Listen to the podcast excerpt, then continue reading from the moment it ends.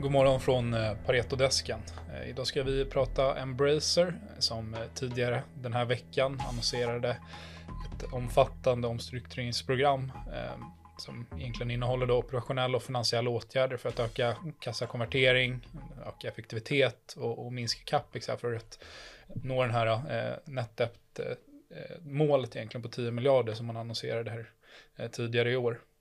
Ehm, och i, eh, den här, i det här programmet så, så inkluderas det att man ska minska eh, capex då som sagt då med 2,9 miljarder jämfört med Q4 runraten här senast. Eh, så alltså från 7,9 miljarder ner till 5 miljarder de kommande två åren.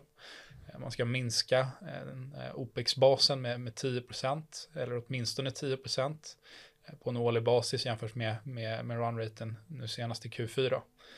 Eh, och här upprepade man också den tidigare justerade ebit-prognosen mellan 7 till 9 miljarder kronor eh, för det nuvarande räkenskapsåret. Eh, och flera av de här åtgärderna kommer att implementeras omedelbart och nå full effektivitet från räkenskapsåret 24-25.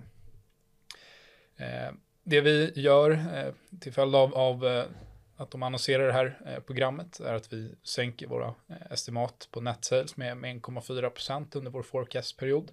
Samtidigt som vi sänker våra marginalantaganden mellan eh, mellan eh, 0,5 och 1,5 procentenhet. Eh, så justerad ebit tar vi ner med mellan 67 procent under vår forecastperiod samtidigt som vi upprepar vår köprekommendationer medan vi sänker vårt target price här eh, till 37 kronor från 40 det vi som ser som, som tydliga triggers här i, i aktien inom, inom ett eh, ganska kort tidsperspektiv här är att man, man har eh, fortfarande en, en stark eh, pipeline av spel som kommer släppas här under eh, den kommande tiden.